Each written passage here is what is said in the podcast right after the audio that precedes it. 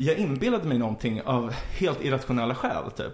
Det är ungefär samma upplevelse jag har när jag har pluggat filosofi. Att det är så här att jag tror att jag har resonerat mig fram till något. Men sen när man börjar typ granska sig själv och sitt, sitt eget tankesätt så är det som att man vaknar ur en dröm liksom. Att man Mm. tänker så här att, hmm, jag hade bara helt fel och jag hade ingen skäl att tro det här. Men jag var Mm. ändå helt övertygad. Här kommer jag och fuckar upp allting du trodde vi byggt upp Här kommer jag och fuckar upp allting du trodde vi byggt upp Här kommer jag och fuckar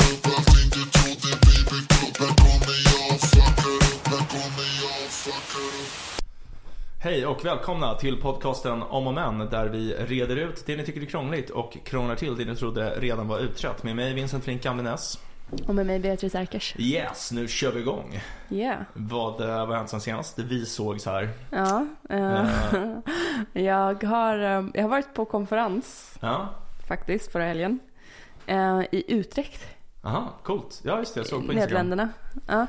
Fett. Ehm, mm. Jag var på transhumanistkonferens. Aha, Så det hette Transvision. Ehm, det var väldigt intressant.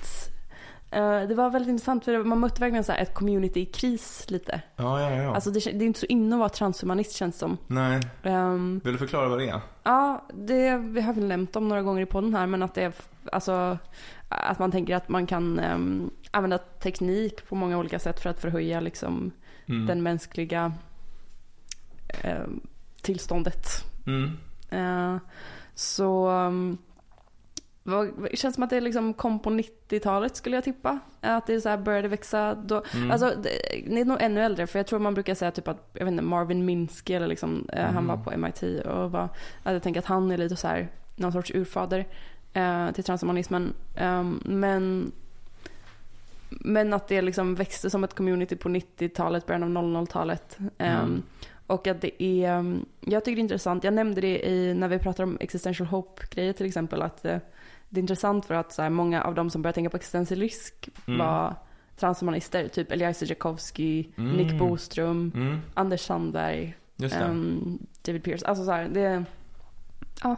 Eh, Och att jag, min, eller vår tolkning av det är att eh, de är så jävla taggade på framtiden typ. ja, verkligen. Eh, att de så här är rädda att den ska försvinna. Ja. Eh, För att de tänker att det kan bli så jäkla bra. Och, och det tycker jag är en kul idé. Men just nu så, um, transhumanism, dels kopplas det väldigt till väldigt höger, liksom politiskt. Eh, Mm. är det många som kopplar. Och så finns det den här, finns en ny akronym, jag vet inte om du har talas om Tescriel. Nej, vad är det? Det är typ någon, alltså det är någon journalist som har kommit på det här som ehm, typ kallar typ någon som Elon Musk för Tescriel. Aha. Ehm, jag vet inte om han själv benämner sig som Tescriel, men det, det står typ för så här. Uh, T står för transhumanism, Mm. E står för extropianism som är Mm. ganska likt transhumanism. Alltså att man tänker att universum är, ja, att man Utanför jorden. ska fylla universum med liv typ. Ehm, och um, S, S um, jag kommer inte ihåg vad det står för just nu. C står för um, cosmism tror jag. Mm. Ehm, och sen så R för rationalism. Eh, E, A för EA. Ja, ah, nice. eh, och, eh, och L står för longtermism. Ah. Eh, så det är väldigt många rörelser ihopbuntade liksom. Ja, vad heter det? Tesk? Testgreel. Ja, men det är ändå en väldigt bra sammanfattning. För det Mm. känns ju som att man får in alla de här i den här konstiga svängen som man har dragits in i på något konstigt sätt. Ja, precis. Ehm, men det, och för många, det, det var en vänsterjournalist tror jag som kom på det som liksom menade som ett extremt, jag tror, alltså väldigt negativt klingande. Att man Mhm. menar att många, ehm, man använder det som kritik mot folk i Silicon Valley typ. För man menar att de Ja, är ja. sådana här test Ja. reels typ. De är för radikala liksom. Ja, precis. Och, och sen så tror jag att många har tagit det som att man kallar sig själv, alltså att man har det i sin Twitter bio liksom. Att man kallar sig själv för test reel för att Mm. man kanske tycker om de idéerna. Ja. Men ehm, ja, men coolt. Vad snackade de om då? Ehm, men det var intressant. Det var alltså dels så, jag tyckte som sagt att det var intressant med, ehm, det kändes som att de flesta som var unga där, eh, det var en ganska liten konferens, men de flesta unga var så här att man, typ lite som jag, att man typ inte skulle kalla sig själv för transhumanist kanske. Mhm, Mm. Eh, Medan de äldre, det, där fanns det så här, det var vissa som var tydligt så här, lite bittra över att de inte hade fått så mycket cred kanske, var min Mhm. känsla. Um, Eller Sir Jodkowski-känsla liksom. Eh, ja, Så han har ja, fått massa cred. ja, men, jag tänker att han har fått väldigt mycket cred. Ehm, men, eh, och sen så fanns det, ja men Anders Sandberg var där då. Ja, kul. Ehm, och han pratade om att så här, transhumanismen på många sätt var liksom en, den filosofiska Mm, eh, mm. fadern till liksom många av de typ existentiell, hela existentiell risk Mm. Communityt som finns nu och typ effektiv altruism och sådana rörelser som egentligen har blivit lite mer framgångsrika och haft mer impact typ. Mm, mm, Eh, Men att f- transhumanism till, till stor del har varit liksom den filosofiska fadern till, mm. till de här rörelserna. Um, vilket jag tyckte var väldigt intressant. Och, och jag tyckte att Anders approach var väldigt intressant och bra liksom just där. För han var väldigt så här. Ja, nej men um, transhumanism som brand känns Mm. inte som att det kanske går så bra för just nu eller att det är så hett liksom. Eh, men att många, han, han menar att liksom det är upp till de yngre, unga personerna att komma på bättre idéer typ. Och att så Ja. här, skit i, i transhumanism då, men liksom fortsätt eh, spinn vidare på det här liksom. Mm, mm, Ehm, och att man då får engagera sig i det andra som liksom, där, det, där det händer saker. mm. Ehm, så det tyckte jag var en, det tyckte jag lät som en liksom bra approach. Absolut, Eh, och jag ja. tänker att det är så det går för många rörelser liksom. Eh, men sen så var det vissa som var så här mer så här, ja men vi, varför, får, varför får inte vi mer cred? Typ. Ja. Eh, ja, men mm. det, absolut. Det är väl det naturliga att de bra delarna av en rörelse tas upp av andra och resten försvinner. typ. Ja, ja. Och sen så var det intressant också just att de som sagt kopplas ehm, väldigt höger. Alltså Ja. man kopplar Det Eh. känner inte jag igen alls. Jag har inte tänkt på det liksom. Man... Jo, det har jag absolut. Alltså, Mm. Jag tror också att som eh, inom typ många som är inom foresight-communityt är libertarianer typ. Alltså så här, Mm. San Francisco-kultur. Alltså det är ganska, ja men libertarianskt liksom. Ehm, och att det är många som, många transhumanister som är ganska libertarianska liksom. Mm. jo, det är i och för sig sant. Eh, ja, Eh, men att de, det var någon som liksom pratade om att eh, ja, men om man tittar mer kvantitativt så är det mer, vi har mer kopplingar till liksom vänster, Mm. vänsterrörelser egentligen. Mm.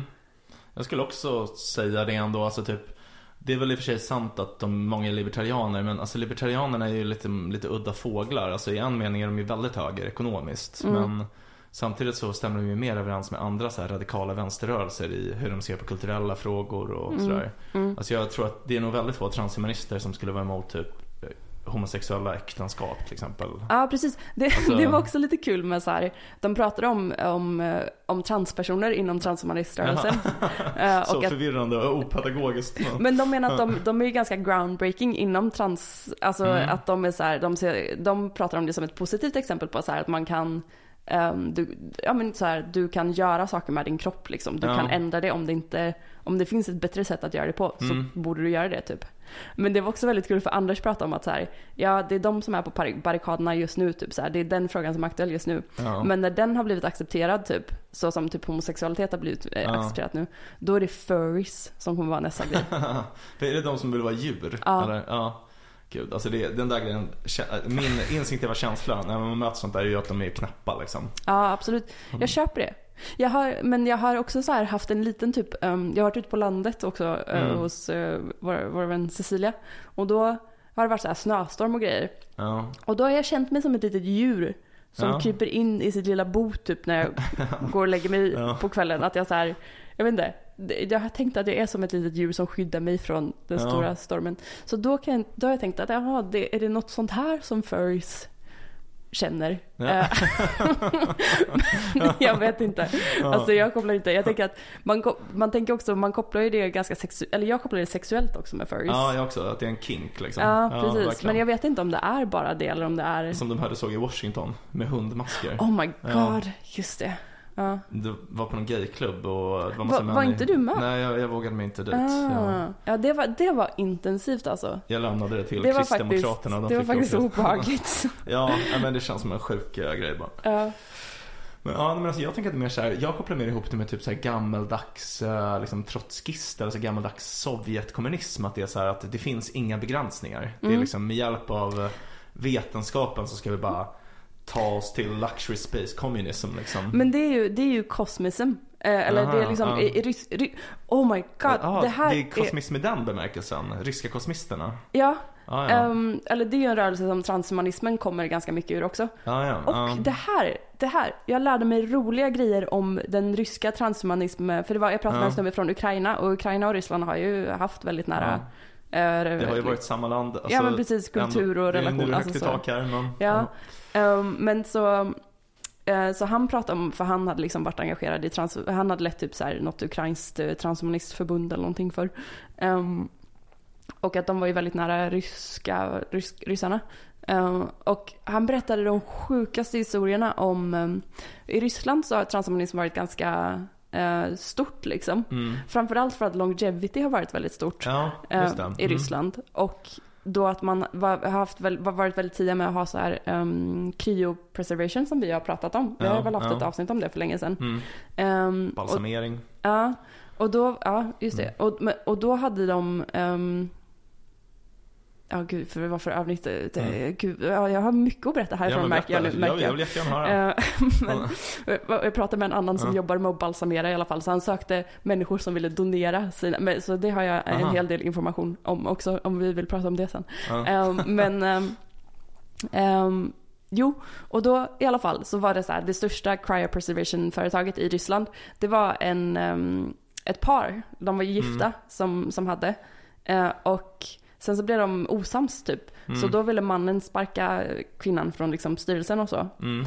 Eh, men då, vet du vad hon gjorde då Vincent? Nej, nej. Då eh, tog hon en massa av kropparna och huvudena som Ja. de hade liksom preserved Ja, nej, vad ska du säga nu? Ja. och kidnappade dem liksom. Aha, Så, som så, utpressning. ja, Ja. så han, ehm, han visade mig så här filmer på hans mobil där de har filmat så här att de tar stora, stora kryotankar som står Mm. ute på lastbil ute i liksom så här ingenstans. Och ruttna liksom. Ehm, nej, då, det rykte från dem så här Ja. fortfarande, så de, de var, då var de nog fortfarande preserved. Ja. Men hon hade dem som gisslan då. För det Ja. var så här typ, ja men mannens mammas huvud bland annat. Eh, Herregud. och för-. Och jag förstår att det här, så här låter jättekonstigt för folk som inte Ja. kanske är bekanta med cryopreservation. Men, men de för, tror för ju han, att de inte är döda. Precis, Ja. för han är det som att någon dag när vi har kommit så långt i tekniken så kommer vi kunna återuppliva mamma. Ja. Typ. Och då behöver jag ju ha hennes huvud. Eh, så för han är det som att hon har kidnappat hans morsa. Typ. Fy fan vad sjukt. Eh, så, och det, det och så, så Alltså här, gud, ryssar alltså. Ga, Ja. alltså ga, det är så mycket galna grejer som händer där borta. Ja, Hon- men då så här, eh, i alla fall, hon har fortfarande de här kidnappade. Ja. Men nu har hon startat ett nytt företag som Vad vill heter, de ha? det heter exakt likadant som förra företaget, med, förutom en bokstav. som är annorlunda. Ja. Eh, nej men hon vill väl, hon vill, jag vet inte, hon vill väl ha företaget, ehm, antar jag. Ah, fan vad sjukt. Ja, Ja. Ja nej. Ja, nej, men så det, that's, that's a glimpse Men vi borde ha ett madness. avsnitt om det här. Så jag, jag kommer ihåg att jag läste, för att det är skitlänge sedan nu. Det var innan jag gick med i EA och liksom hela den grejen. Alltså det var typ kanske 6-7 år sedan. Läste jag en bok om ryska kosmister. Ah, Och då lärde jag mig att Alltså massa grejer, det är så intressant. Men bland annat att kosmisterna, de kallade jorden för den stora kyrkogården.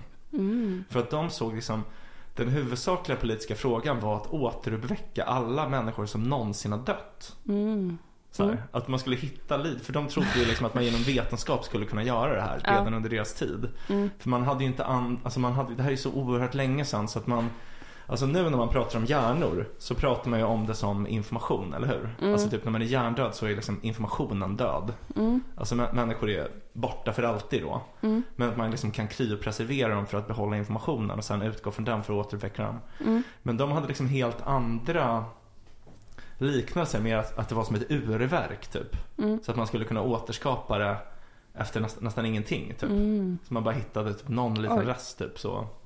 Ehm, så konstig rörelse och att det också var delvis därför som man balsamerade Lenin. Att det var så här Ah. kosmistiska influenser i kommunistpartiet liksom. Ah, ah. Eh, Ja. nej, jag, jag har inte, um, jag stötte på dem kanske första gången typ förra året. Alltså så här för att jag råkade läsa någonting för att jag läste om typ extropianism. Ja. Och då stötte på också cosmism. Um, och just som du säger att det verkar vara en, eh, vart liksom att man hade en extrem tro på liksom vetenskapens Mm. möjligheter och att man så här, att man hade en sorts mora, moralisk obligation, alltså väldigt så här som long termism. Mm. Om man är bekant med den filosofin, typ att så här, att man har eh, målet med mänskligheten är att liksom sprida sig i universum liksom Mm, och att så här, ehm, sprida livet liksom Mm. och eh, befolka universum liksom. Ja, exakt. Ja. ja, coolt. Ja, men eh, det låter som att du hade en uh, fet helg ändå. Ja, det var, det var intressant. Det var väldigt intressant. Sen så var det så här, det är många knäppisar. Ja, Det är det ju. jo, alltså, så mycket konstiga människor i den där rörelsen alltså. Ja. Ja, jag är egentligen emot transhumanism. Alltså, så här, jag, alltså, det, det, jag tycker det är intressant på vissa sätt liksom, men eh, Jag tror alltså som rörelse, är det, det, är, det är något sjukt med det där alltså. Jag, vet inte, jag, jag tycker att det känns också ofta som att de personer man träffar som är mest inne på det har förakt för svaghet. Så här. Att de är liksom som att man vill verkligen göra människan perfekt typ. Mm. Så jag tycker det känns så här, o- som obehaglig trend liksom. Alltså det tänker jag, eller de jag träffar på konferensen känns verkligen inte som att de har förakt för svaghet. Det känns det inte som. Nej okej. De kändes väldigt mänskliga. Ja, Ehm, ja vad bra då. ja. Men det är väl, alltså, bara för att ge något exempel på vad man tänker så är det väl dels så här kryo, alltså frysa ner sig efter döden i hopp om att bli återuppväckt. Men också typ så här operera in chip under huvudet, alltså så här, sådana grejer liksom. Mm, Biohacking liksom. mm. Um, Ja, nej, men, men det var det som var, för jag, jag tänker att transhumanism är ett sånt, jag, jag har haft en idé och tanke om vad det är för människor och därför var det Mm. intressant att så få, få någon sorts reality check. Också att man så här, alltså den, det är ju så när man kanske lär sig om en rörelse eller någonting, att Ja. man, det man lär sig om är ju hur det var för tio år sedan kanske. just det, ja det är ofta så. Och, och då var det intressant att checka in, men vad är, hur tänker folk idag? Typ. Ja, ja, För så tänker jag det med EA, typ, att om någon läser om, om det nu kanske, ja. att man eh, får en uppfattning som är antingen så lä- läser man kanske någon mer sensationalism, alltså att det är kanske mer någon sorts FTX eh, Mm, em, väldigt negativ extrem bild. Eller att man får någon sorts så här, ja så här var det för tio år sedan bild kanske. mm, Mer.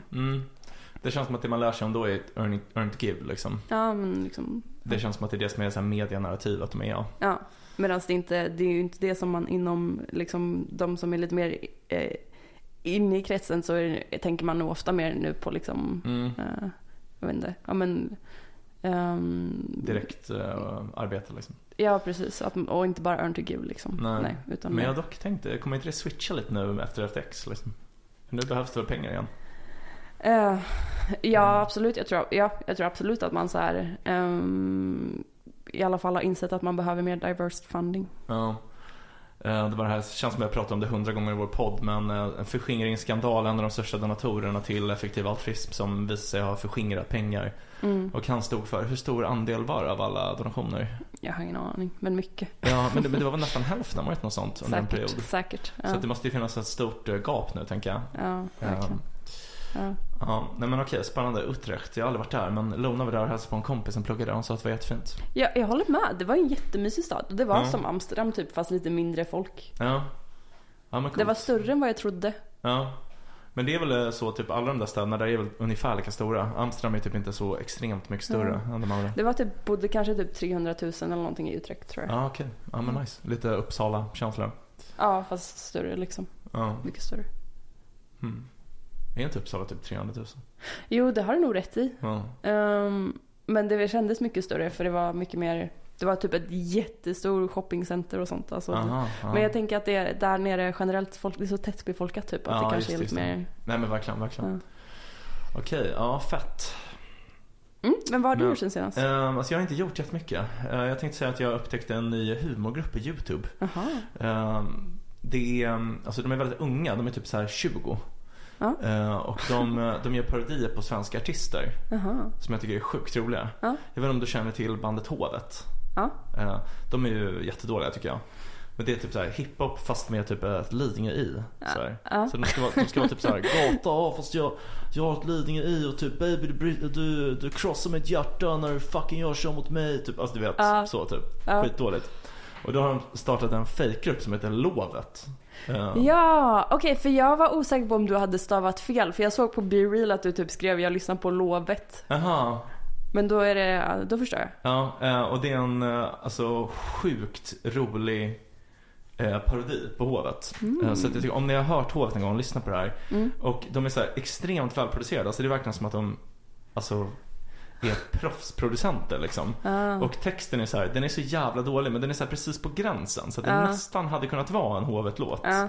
Och de har gjort samma med typ så här Ja men typ såhär gäng-rap, alltså typ såhär orten-rappare i Sverige, typ som Grikazo har de gjort också parodier på och så här. Och det, det är bara så jävla bra liksom. Ehm, sjukt kul. Ja, det var lite kul. Förra året var, jag var på ett bröllop förra året när, ehm, och de hade så här, um, plan, de hade ju bestämt vilken låt de skulle gå in till liksom. Ja, ja. Eh, och det, det, är en, det är en låt som heter Hymn som är en jättefin um, typ klarinettlåt eller någonting. Alltså det är någon sån Okej, eh, musikalisk låt.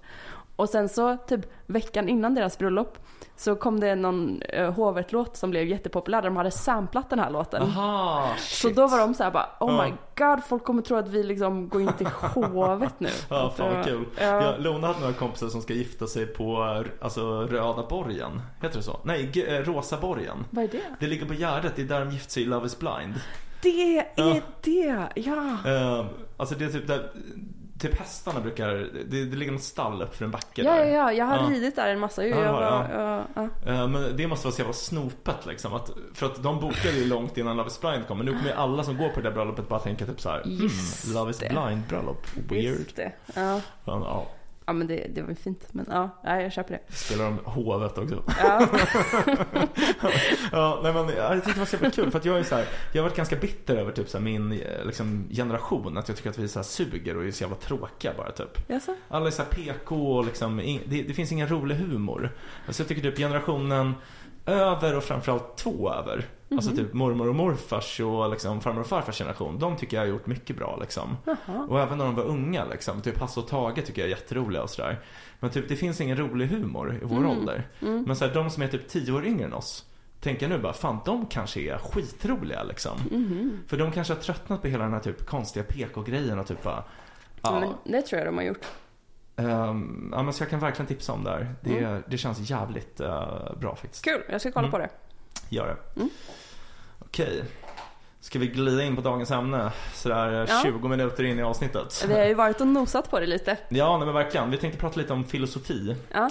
eh, i bred märkelse. Eh, det var en lite hugskott här som jag fick för att jag håller på att skriva liksom en liten text om det. Mm.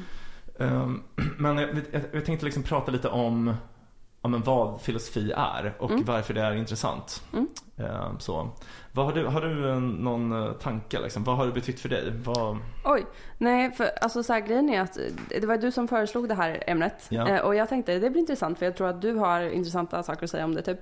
Jag har inte, jag har aldrig pluggat filosofi egentligen eller sådär. Ehm, och jag vet att jag när jag växte upp tänkte att det var extremt flummigt. Ja. Att det var flummiga människor som höll på med det. Och att jag inte riktigt ville beröra mig. Alltså ville inte befatta mig med det riktigt.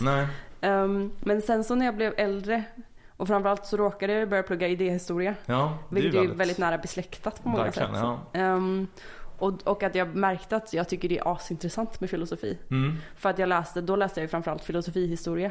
Mm. Alltså, alltså det, blir det på många sätt för idéhistoria handlar ju så mycket om, ja det handlar ju om vad folk har tänkt genom Ja. historien. Och då blir det att man, man börjar ju med liksom filosoferna i Grekland typ. Att Det är så, Exakt. Ja. Ehm, så då insåg jag att jag tycker det är asintressant och jag typ önskar att jag hade, eh, till viss del önskar jag att jag hade pluggat det istället för idéhistoria. Ja. Ehm, för att då, då får man ju tänka och tycka själv typ. Ja, exakt. Alltså, jag tycker att det är den bästa uspen med filosofi. Mm. Att typ, jag kommer ihåg när jag, alltså, i, jag, jag hatade skolan. Liksom. Jag, jag hatade att gå i skolan. Mm. Liksom. Jag kände så från, från att jag började tills att jag slutade liksom, innan universitetet. Mm. Och det jag tänkte på då, det var liksom att när jag pluggade naturvetenskap, då var det liksom extremt intressanta saker som lärdes ut. Det var typ så här, hur fungerar människokroppen? Um, hur fungerar liv? Hur går liksom liv i arv och sådär? Hur uppkom universum? Massa sådana där intressanta saker. Men man fick ju aldrig diskutera det. Mm. Utan det var ju bara att man skulle lära sig allting utan till Och sen bara räkna upp det, liksom rabbla det på provet. Mm. Eh, Så det var ju inte kul, även om det var intressanta saker så fick man ju själv inte göra något kul med det. Och när det kommer till typ humanistiska och samhällsvetenskapliga ämnen, då var det ju liksom tvärtom. Att man uppmuntrades att diskutera, men man fick inte diskutera intressanta saker. Alltså typ, jag kommer ihåg vi läste brott och straff. Mm. Och vi fick inte, jag, jag fick inte diskutera, har jag sagt det här till dig? Nej, nej, men Nej. fortsätt. Jag ja. blev tillrättavisad när jag ville diskutera vad är rättvisa? ja. Ja, Eller för, för det här Ja. jag, det här var, när jag pluggade litteraturvetenskap, Ja. då insåg jag, jag borde inte plugga litteraturvetenskap för det, jag fattar inte, alltså det var som att man inte, det var inte det man fick prata om. nej, nej. Man fick inte prata om det som var intressant med det. Nej. Det, du har så Alltså, rätt. för det var så här, jag kommer ihåg att min lärare, hon var i och för sig väldigt bra tyckte jag, men, men hon sa så här att Nej men vad, vad typ tror att Dostojevskij tänkte när han skrev det här typ? Man bara, men det är ju oviktigt. Så här, Ja. Vem fan bryr sig vad Dostojevskij tänkte när han skrev den här boken? Så här, han skrev ju om de här ämnena för att han tyckte att det var en intressant diskussion med vad är rättvisa, hur ska man handla? Och det är ju det som också vad Dostojevskij tänkte var väl att han inte visste vad som var rätt ofta. Alltså så här, Ja, att det är liksom och, och, ja, att det är så, det är ju det som är intressant att prata om liksom. Ja, och typ göra en Alltså, jag kommer ihåg att hon sa typ såhär, ja vet du vad, vet, så här, varför döpte hon honom till Raskolnikov? Typ, visste ni att Raskolnikov betyder den kluvne? Typ så här. Man bara, men det är inte viktigt för, eller liksom så här, ja jag vet inte. Ja, Ja, nej men så det var liksom som att an, antingen så var det helt ointressanta saker man fick diskutera eller så var det intressanta saker man inte fick diskutera. Så att det var liksom första gången som jag fick diskutera intressanta saker, det var när jag gick en kurs i eh, gymnasiet i filosofi. och hur kom det sig att du pluggade den då? Ja, men, alltså jag gick en flummig linje på någon real så här, samkultur och Ja. då ingick det filosofi A eller, eller det hette etik och livsfrågor förresten. Hette. Oj, vad kul. Och då fick man bara Ja. sitta och diskutera typ så här, vad är rätt och fel typ. Och jag kommer ihåg att jag bara gick igång så jävla mycket på det. Och tyckte det var så jävla kul och tänkte bara, fan det är det här jag ska göra. Och eh, det var därför jag liksom började plugga det på universitetet. Och det, alltså, det låter så jävla pompöst men alltså det har verkligen förändrat mitt liv. Det var så jävla kul liksom. Det var första gången man fick på allvar typ, så att ta sig an såna här frågor som man själv tyckte instinktivt var viktiga liksom. Eh, så. Och, och för, för jag tycker det är kul med filosofi nu när jag upplever att så här, ehm, jag upplever också att jag försöker typ utifrån filosofisk övertygelse också agera Ja. i liksom linje med dem. Eh, ja, har du det också så att du faktiskt också försöker typ att Ehm. och inte bara typ ja det är fel att mörda utan att man så här verkligen försöker ehm, Jo men alltså, i, i etiken så är det ju mycket så, men alltså egentligen Alltså man kan ju säga typ, en, min favoritfilosof som jag pratar om hela tiden det är ju Mi- Michael Humer. Jag tycker han är den nu levande bästa filosofen. Och han har skrivit en väldigt kort introduktionsbok till filosofi. Vilket är så otroligt så här, modigt att göra för det innehåller ju så mycket. Men den boken heter, den på ytan kanske lite, kanske lite tråkig titel men, på ytan. Men den heter Knowledge, Reality and Value. Eh, Men det det egentligen är, tanken med den titeln, det är liksom att olika vetenskaper har olika föremål för sin, sina studier. Alltså biologi har levande organismer som föremål för sina studier, eller hur? Eh, Och vad är filosofins föremål? Vad studerar en filosof? Jo, men de studerar kunskap och verklighetens grund och värde. Och det är liksom de tre huvudsakliga områdena i filosofi är då kunskapsteori, epistemologi, eh, metafysik som är liksom den, grunden för verkligheten och sen etik då som har med värde att göra. Ehm, så den, den, den boken kan jag varmt rekommendera och jag tänker liksom att framförallt etik är det som påverkar ens liv. Eller hur? Så här, man ska donera pengar, äta mer etiskt. Men även, tror jag, kunskapsteori borde påverka en mer än vad det gör. Man, man borde inte känna sig så tvärsäker för man borde förstå att det är svårt att få kunskap om saker. Vi har ju haft tidigare ett avsnitt om nyheter. Det är en sån grej som om man har läst kunskapsteori så borde man förstå så här att när man, det här borde, jag, jag borde inte uppdatera mina övertygelser utifrån den här nyhetsartikeln för det säger ganska lite egentligen. Eh, Men det är sådana saker som jag tror att människor inte liksom riktigt är medvetna om förrän man börjar angripa de här ämnena på djupet. Liksom. Så, och det är filosofins styrka. Så. Nej men ehm, nej, otroligt, eh, otroligt intressant. Det är ehm, som sagt, jag, jag har inte, om jag hade så här fått skräddarsy min, min egen bakgrund nu in retrospect liksom. Ja. Då hade jag läst idéhistoria A. Ja. För att då får du läsa liksom filosofins historia från liksom de ehm, naturfilosoferna som är liksom pre, pre-Aristoteles och, och de Ja, där liksom. Ehm, upp till där vi är, alltså 1900-talets eh, filosofihistoria. Eh, och så hade jag läst filosofi, jag vet inte, hur var det, vad har du läst för filosofi? Um, alltså jag läste i två år. Ehm, eller motsvarande typ ja, två, tre år på hel fart. Liksom. Men jag läste, det var ganska utspritt. Jag gjorde liksom underläkarprogrammet och tog pauser och sådär. Så det var egentligen en sa- salig blandning. Men det var mer teoretiskt, mindre etik. Liksom. Jag tycker typ den ak- akademiska etiken är så ganska tråkig rent tekniskt. Liksom, för det är mer så skolbildningar. Men finns Ja. det typ så här filosofi A, hade du rekommenderat någon att läsa det typ? Jo men det hade jag absolut göra. Och Som är äv- så här 30 HP? Ja, exakt. Mm. Det brukar vara uppdelat i teoretisk och eh, praktisk. Just det. Men eh, alltså, i- idéhistoria är också, det är, det är ju mycket som att läsa filosofi. Jag tror det är ganska liten skillnad på grundnivå egentligen. Liksom. Det är väl mer att man lär sig kanske his, mm, liksom så historie, historieforsknings Mm.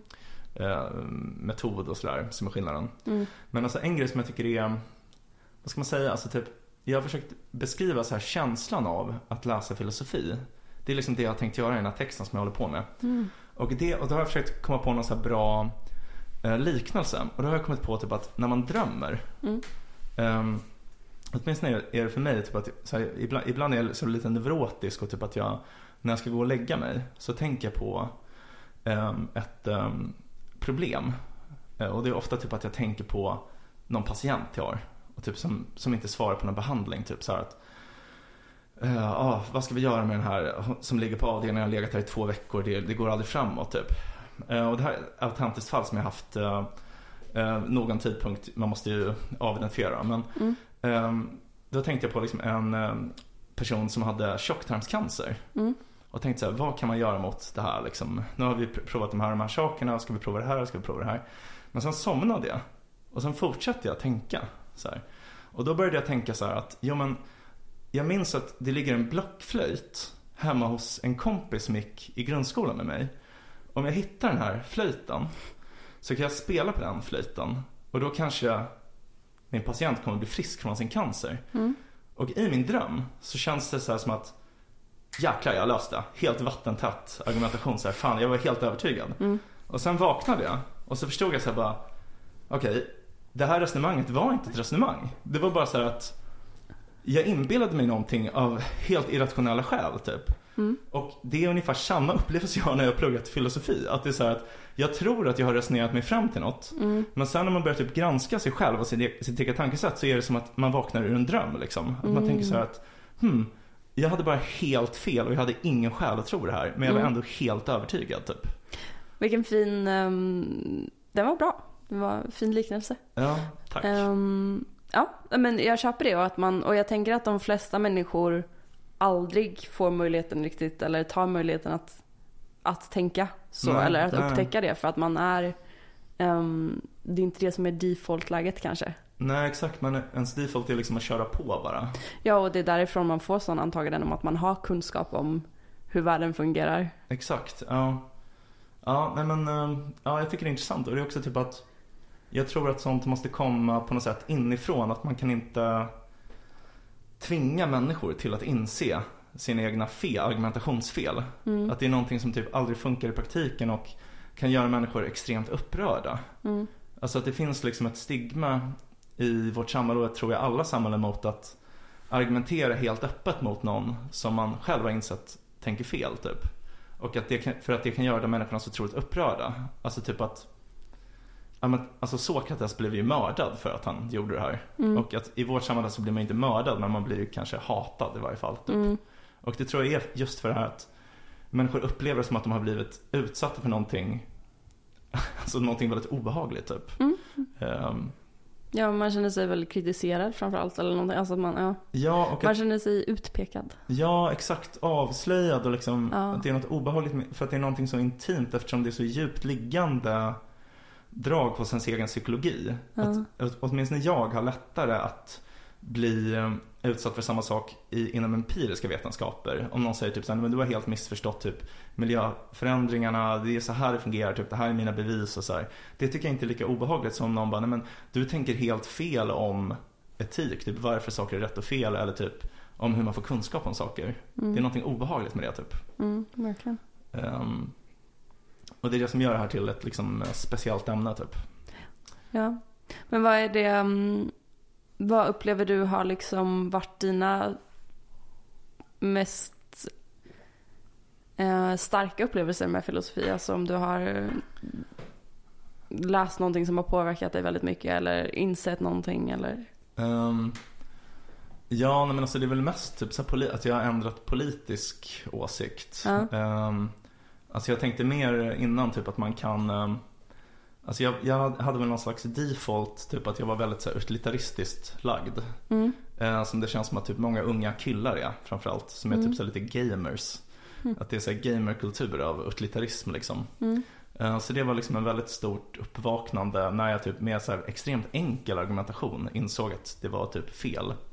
Och det var också, det var verkligen sådär som att vakna ur en dröm. Typ.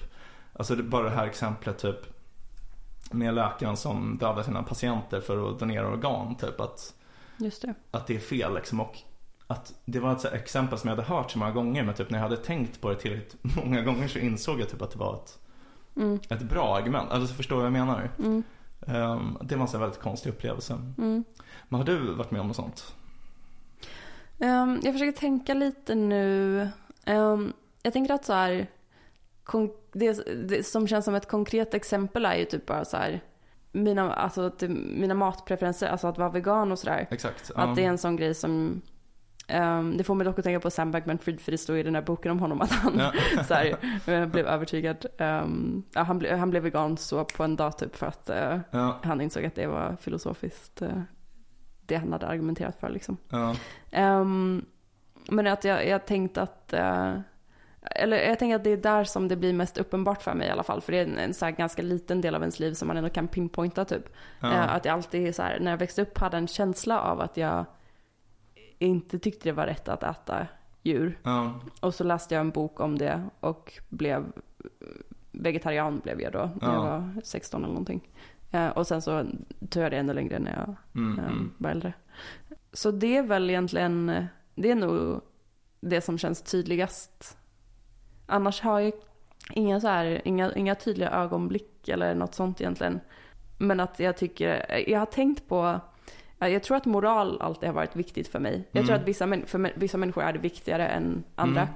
Och jag tror, ehm, jag kommer ihåg att jag så här, ehm, min kollega sa det som en komplimang till mig någon gång att jag var en moralisk person. ja, det är väl en fin komplimang. Jag tyckte det var jättefint. Men, och det fick mig att tänka på att, så, ja just det, det, om jag jämför mig med, med vissa av mina vänner och så, att jag så Mm. upplever att ja, nej, men det är viktigare för mig att, be, att bete mig liksom in line med vad jag faktiskt tycker moraliskt Mm. är, är rätt. Det, det gäller inte allt, jag kan verkligen ge mig slack på, på vissa grejer. Men, men jag upplever att många typ Många har en moralisk övertygelse om någonting, Mm. om de faktiskt tänkt på det. Men de har ingen så här, eh, de försöker inte på något sätt leva upp till det. Nej, nej, absolut. Det, Det, det tycker jag är lite fascinerande. Alltså jag förstår det, jag förstår det för det är slappt liksom. Ja, ja. Och då är det kanske också att man inte riktigt har har en övertygelse. Ja, nej, men, Alltså, ja man- nej men det är sant ja. Att man inte, um, de, om de resonerar sig fram till det så, så är det så de, de tycker är rätt liksom. Ja, Men de förmår sig inte att anstränga sig. Så det är inte viktigt för dem. nej, exakt. Ja, men det kan vara lite både. Det kan ju vara dels att man ändå inser sanningen och bara tycker att det är oviktigt. Men det kan ju också vara kanske att man tror att man insett det men man inte riktigt har gjort det. Typ. Ja, Att det är mer att man har en stark vilja att uttrycka vissa saker. Man har inte kommit fram till det själv riktigt. ja, Det kan vara så. verkligen. Men det är en annan grej som jag tänkt på intressant. Det är liksom så här, vad är ett filosofiskt problem? För jag Ja. har en känsla av att, typ att alla kanske inte riktigt Alltså förstår, för om man tar typ en fråga som att typ äta kött så är det liksom en fråga som har filosofiska dimensioner men de flesta överväganden i den frågan är ju empiriska. Alltså Mm. typ hur, är, hur ser djurhållningen ut? Mm, Och sådär. Det är ju inte egentligen en filosofisk fråga. nej. Men, så jag tänkte typ ta något exempel för om man kanske lyssnar och inte har koll på filosofi så tänkte jag ta ett exempel. Mm. Och ett exempel som jag har hört flera ta tidigare det är en, ehm, alltså en, en antik eh, liknelse eller en antik tankeproblem då, som kallas för Tesevs skepp. Du Mm. kanske har hört det. Mm, Och det var liksom då um, Tesevs, en uh, hjälte i antik mytologi eh, som hade ett skepp och han, eh, som hette Argos tror jag. Mm. Eh, och han seglade på det i decennier. Och det här skeppet, eftersom han seglade på det så länge så behövde han hela tiden laga det. Eh, och eh, efter, eh, säg 20 år så fanns det ingen del på Argos som fanns mm, på det ursprungliga skeppet. Och då är frågan så här, är det samma skepp? mm, Samma skepp han började segla på som det som fanns 20 år senare. mm, Det hade fortfarande samma namn men ingen materia fanns kvar. mm, Ehm, och det man ska förstå då är typ att så här, okej, den här frågan är inte empirisk. Du kan inte göra något experiment för att ta reda på svaret, eller hur? Nej. Eh, för du vet ju redan alla empiriska omständigheter att ingenting är kvar. Mm, Och det är inte heller en matematisk fråga. Alltså, det är inte heller typ så här helt okontroversiellt som att 2 plus 2 är 4 som alla bara vet direkt. Utan det är en fråga framförallt om hur du ska tänka kring frågan. mm, Det är en fråga på met- en metanivå typ så mm. Så den egentliga frågan är inte om det är samma skepp utan den egentliga frågan är så här, vad betyder det att vara samma som det var innan? Ja, Och skiljer det sig mellan skepp och människor till exempel. Är det samma sak för en människa som för ett skepp att vara samma? Ja. Det var ett jättebra exempel. Ja, eller hur? Ja, men det är inte, inte mitt eh, exempel då. Men, nej, eh, nej, men det var, det var väldigt bra. Jag kände att jag förstod, eller det, ja, det var bra.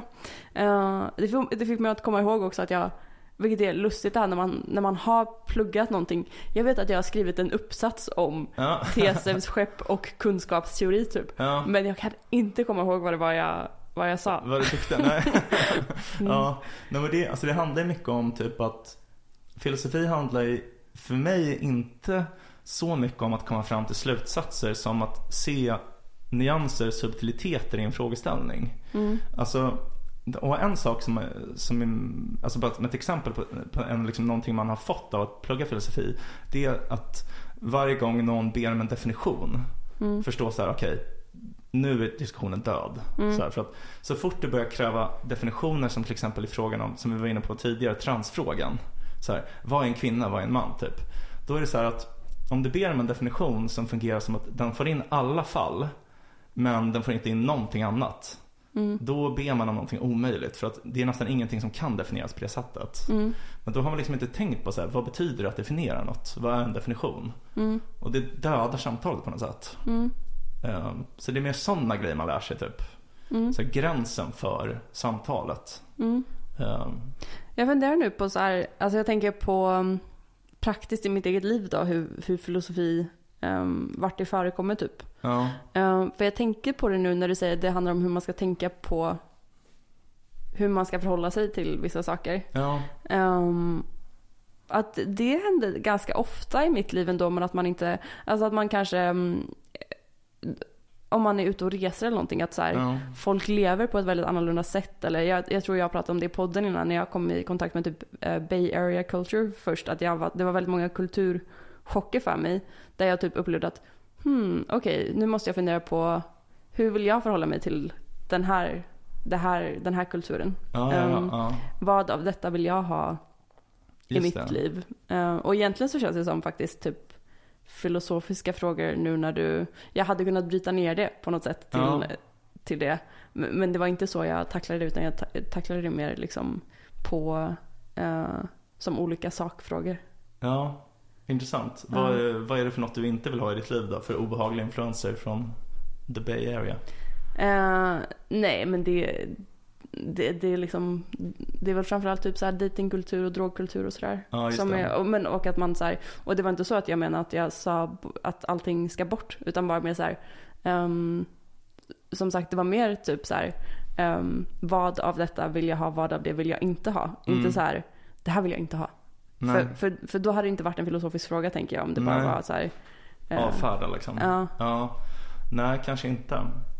Nej men det, det är sant, alltså, man borde nog tänka lite mer så i många delar av livet. Alltså, jag har tänkt mycket på, vi har ju haft något avsnitt tidigare om fetmaläkemedel. För att Mm. jag har skrivit om det. Typ, och Mm. Då kommer jag ihåg att jag hade väldigt mycket, mycket nytta av typ, det tankesättet. Det är att, för typ, när det kommer till fetma så är det ju liksom att debatten kring eh, behandlingen liknar många andra saker i samhället. Att man vill ställa frågan så här, är det en sjukdom? Är fetma en sjukdom?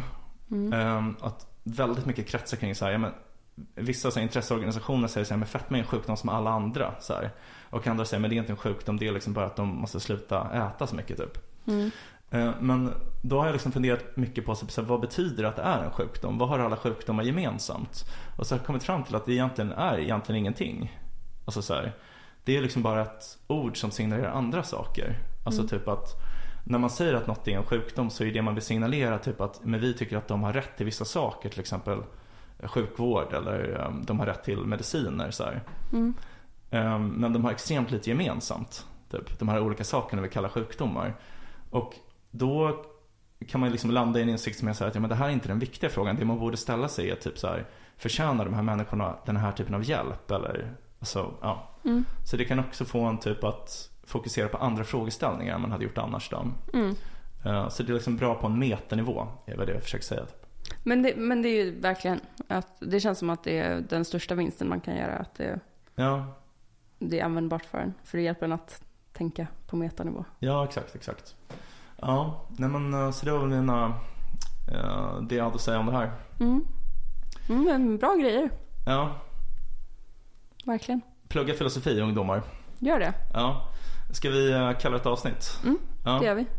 All right. ja men då så. Med de orden så får vi eh, tacka er för att ni har stått ut med oss ännu ett eh, härligt avsnitt av podcasten Om och Men där vi reder ut det ni tycker är krångligt och krånglar till det ni trodde redan var utrett. Nästa vecka kommer vi prata om någonting Helt sjukt. Här kommer jag och fuckar upp allting du trodde vi byggt upp Här kommer jag och fuckar upp allting du trodde vi byggt upp Här kommer jag och fuckar upp